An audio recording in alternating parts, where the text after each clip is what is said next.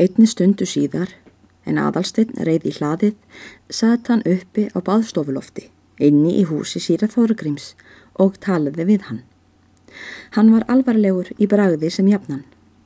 Egi sást mikill munur á honum frá því sem venja var, þótt tvöfaldur ástvinnamissir hefði að höndum borið í senn, en það var maðurinn stiltur vel. En undrun mikla mátti lesa í svip hans, er hann satt og hlustaði til frásögu frænda síns. Þessa nýkomna langferðamanns er síra Þorgrimur bjóst við úr austri en kom þó úr vestri. Hann let aðalstein segja sér sum atriði oftar en einu sinni, svo mjög að fannst honum um og allt las hann staðfest í brefi bróður síns, svo að hann hlaut að trúa. En hvað kom til að þú sagðir mér ekki af þessu áður en þú fórst vestur? Spurði sér að Þorgrimur. Ég skildi hafa reyðið með þér og unnið steingrim með einu orði til að gangast við þér. Það gerði, svaraði hinn, að mér var í brefum móður minnar ráðið frá að hafa málefnið á orði við nokkur fyrir en ég hefði borið sigur úr bítum. En hins vegar vissi ég ekki af fransemi ykkar föðurum hins og bjóst ekki við að þið hjónin mynduð leifa mér svo skjóta ráðabreitni þar sem ferðinni hafði verið heitið til östfjörða og hjælt ég að þið mynduð kunna illa við snúningin og síður vilja láta mig fara vestur úr því ég mátti ekki segja frá erindinu. Já en mér hafði nú einmitt alltaf verið í hug þó að ég framkvæmdi það ekki, hvað síra Þorgrimur, að aftra austurferðinni því mér fannst hún ekki svo þýðingar mikil, en láta þig aftur fara vestur. Því að þá ferð gæti ég notað á fleiri en einn hátt og hefði miklu heldur kosið að þú hefðir viljað þangað fara. En samt vildi ég, eins og gefur að skilja, ekki setja mig á mótið því að þú fyndir frænfólkið þitt sem átti að vera. Eftir málkvild tók síra Þórgrimur aftur til máls og sagði Ég hlít nú fyrst að þauksa um jarðarfurina og koma henni af. Síðan mun ég af líkindum ríða vestur með þér. Annars veit ég ekki hvað ég tek fyrir hér eftir, en sjálfsagt hætti ég að búa. Þegar síra Þorgrimur mælti þessi orð var auðfundið að honum var þungt í skapi. Hann tók aftur til orða og mælti. Við höfum annars, steinu minn, konan mín og ég, komið okkur saman um þá ráðstofun á eignum okkar að þú skildir fá það mest allt sem við eigum eftir okkar dag. Í banalegu konu minnar var þetta fullgert, svo það ert þú sem nú áttu að taka við arfi eftir hanna. Þetta kom aðalsteini svo óvart að hann vissi fyrst ekki hverju svara skildi. Hann komst við af góðvilja þeirra hjóna sér til handa. Nei, segir hann, þessar aðstofun get ég ekki samþykst Svo mikið gott sem þið hafið gert mér áður, þá ber mér vissulega ekki að fjefletta yður eða taka við þeim fjármunum sem yður ber með réttu. Það er ekki hægt við, steinu minn, að þú fjeflettir mig, ansaði síra Þorgrymur. Mér mun ekki verða fjefátt fyrir þessu. Líf mitt verður vart lengra en svo að mér nægir fjárhluti minn og skal þessi ráðstofun standa sem gerð hefur verið bæði að þú takir nú við arfinum eftir konu mína. Það verða mestmægnis jarðir vestur við fellsfjörð og kemur vel við að fadir þinn hafi umsjónina og eins allast ég til að þú gangir til arfs eftir mig látin og er svo erðaskrá mín þegar undirskrifuð og innsikluð og skal henni verða þinglýst. Aðalsteitt fann að fyrirætlun síra Þorgrims stóð först og óhaganleg. Hann hafði ekki orð til að láta honum í ljós tilfinningar sínar. Svo mjög þótti honum þessi ráðstofun skara fram úr því sem hann gæti vænst eða við búist. Með hverju á ég að votta yfir þakklæti mitt fyrir svo mikið ástriki, segir hann við föðurbróður sinn, klökkur í huga.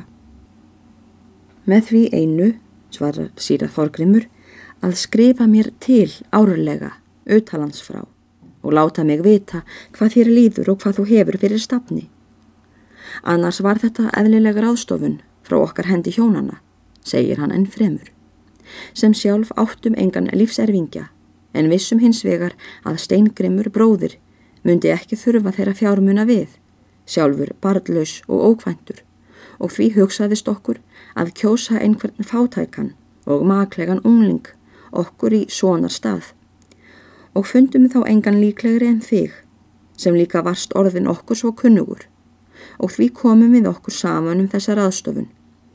Nú vissi ég líka, mælti presturinn en fremur, að það kvildi á þér skuld þar sem þú áttir skólakostnaðin óborgaðan og eins þurftir að kosta til frekari mentunar og því fremur hef ég afráðið að þú skildir taka við fjárhluta konuminnar sálugu nú þegar.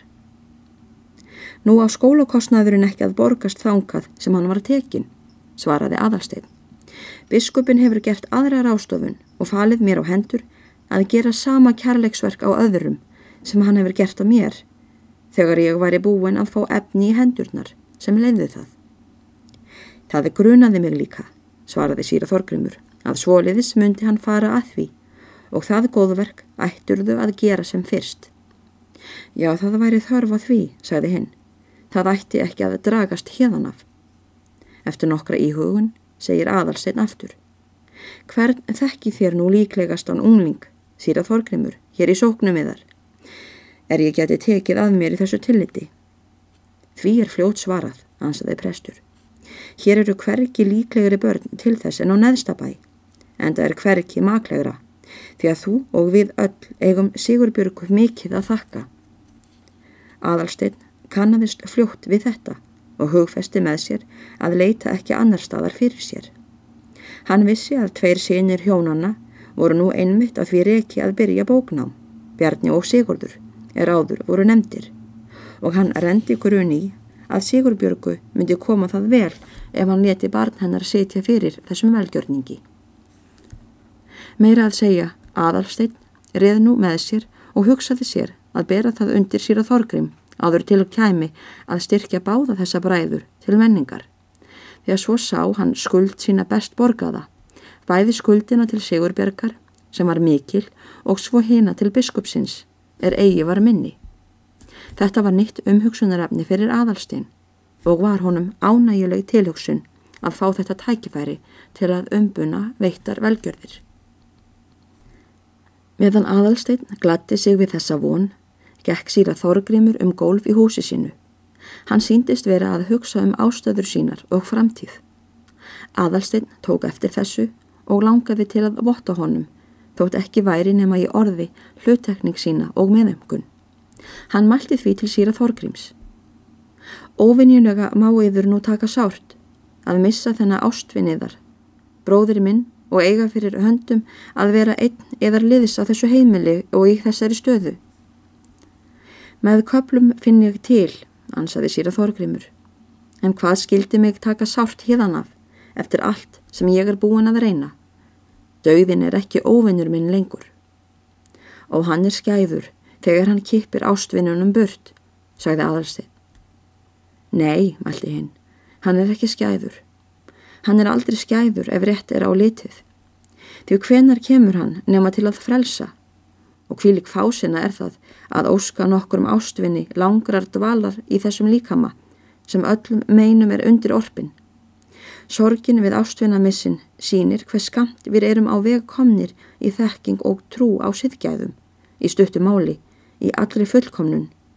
Hún sínir að við erum börn og óvitar í öllu, nema eigingirninni því sorg mannana, að minnstakosti mjög margra, er bæði niðurlút og nærsín og vanþakklátt.